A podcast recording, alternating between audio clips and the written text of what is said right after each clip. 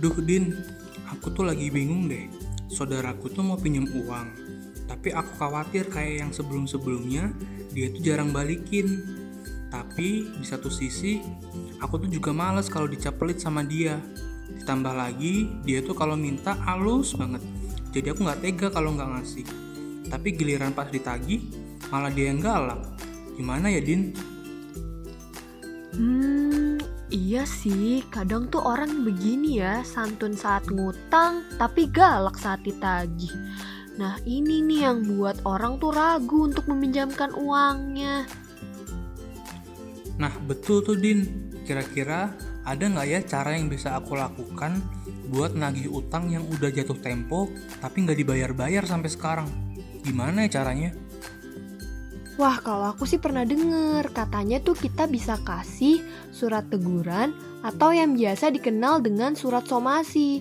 Nah, surat somasi ini bisa kita gunakan sebagai peringatan yang nantinya diberikan terhadap pihak tergugat. Oh, gitu ya. Emang ada ya dasar hukum untuk melakukan somasi kalau misalkan nanti saudaraku ini telat bayar utangnya?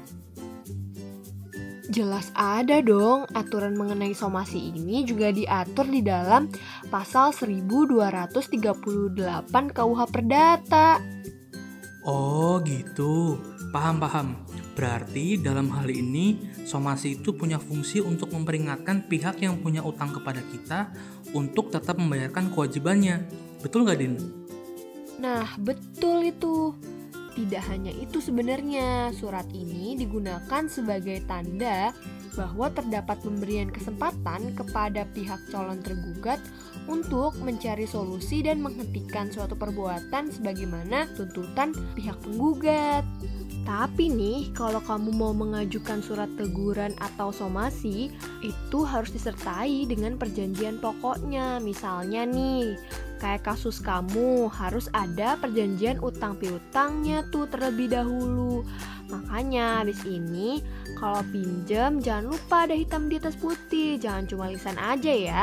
Harus ada surat perjanjiannya. Iya juga ya.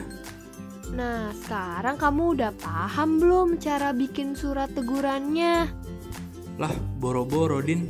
Aku aja baru tahu dari kamu kalau misalkan aku bisa buat surat somasi utang. Emang gimana sih caranya?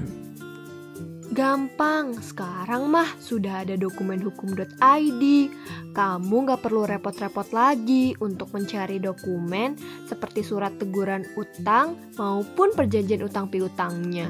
Wah, apaan tuh dokumen hukum.id? Jadi nih, dokumen hukum.id adalah aplikasi yang dikembangkan oleh Institute for Criminal Justice Reform dengan tujuan membantu masyarakat dalam menyusun kontrak atau perjanjian, surat klaim, atau bentuk pengaduan lainnya yang dapat diakses secara gratis.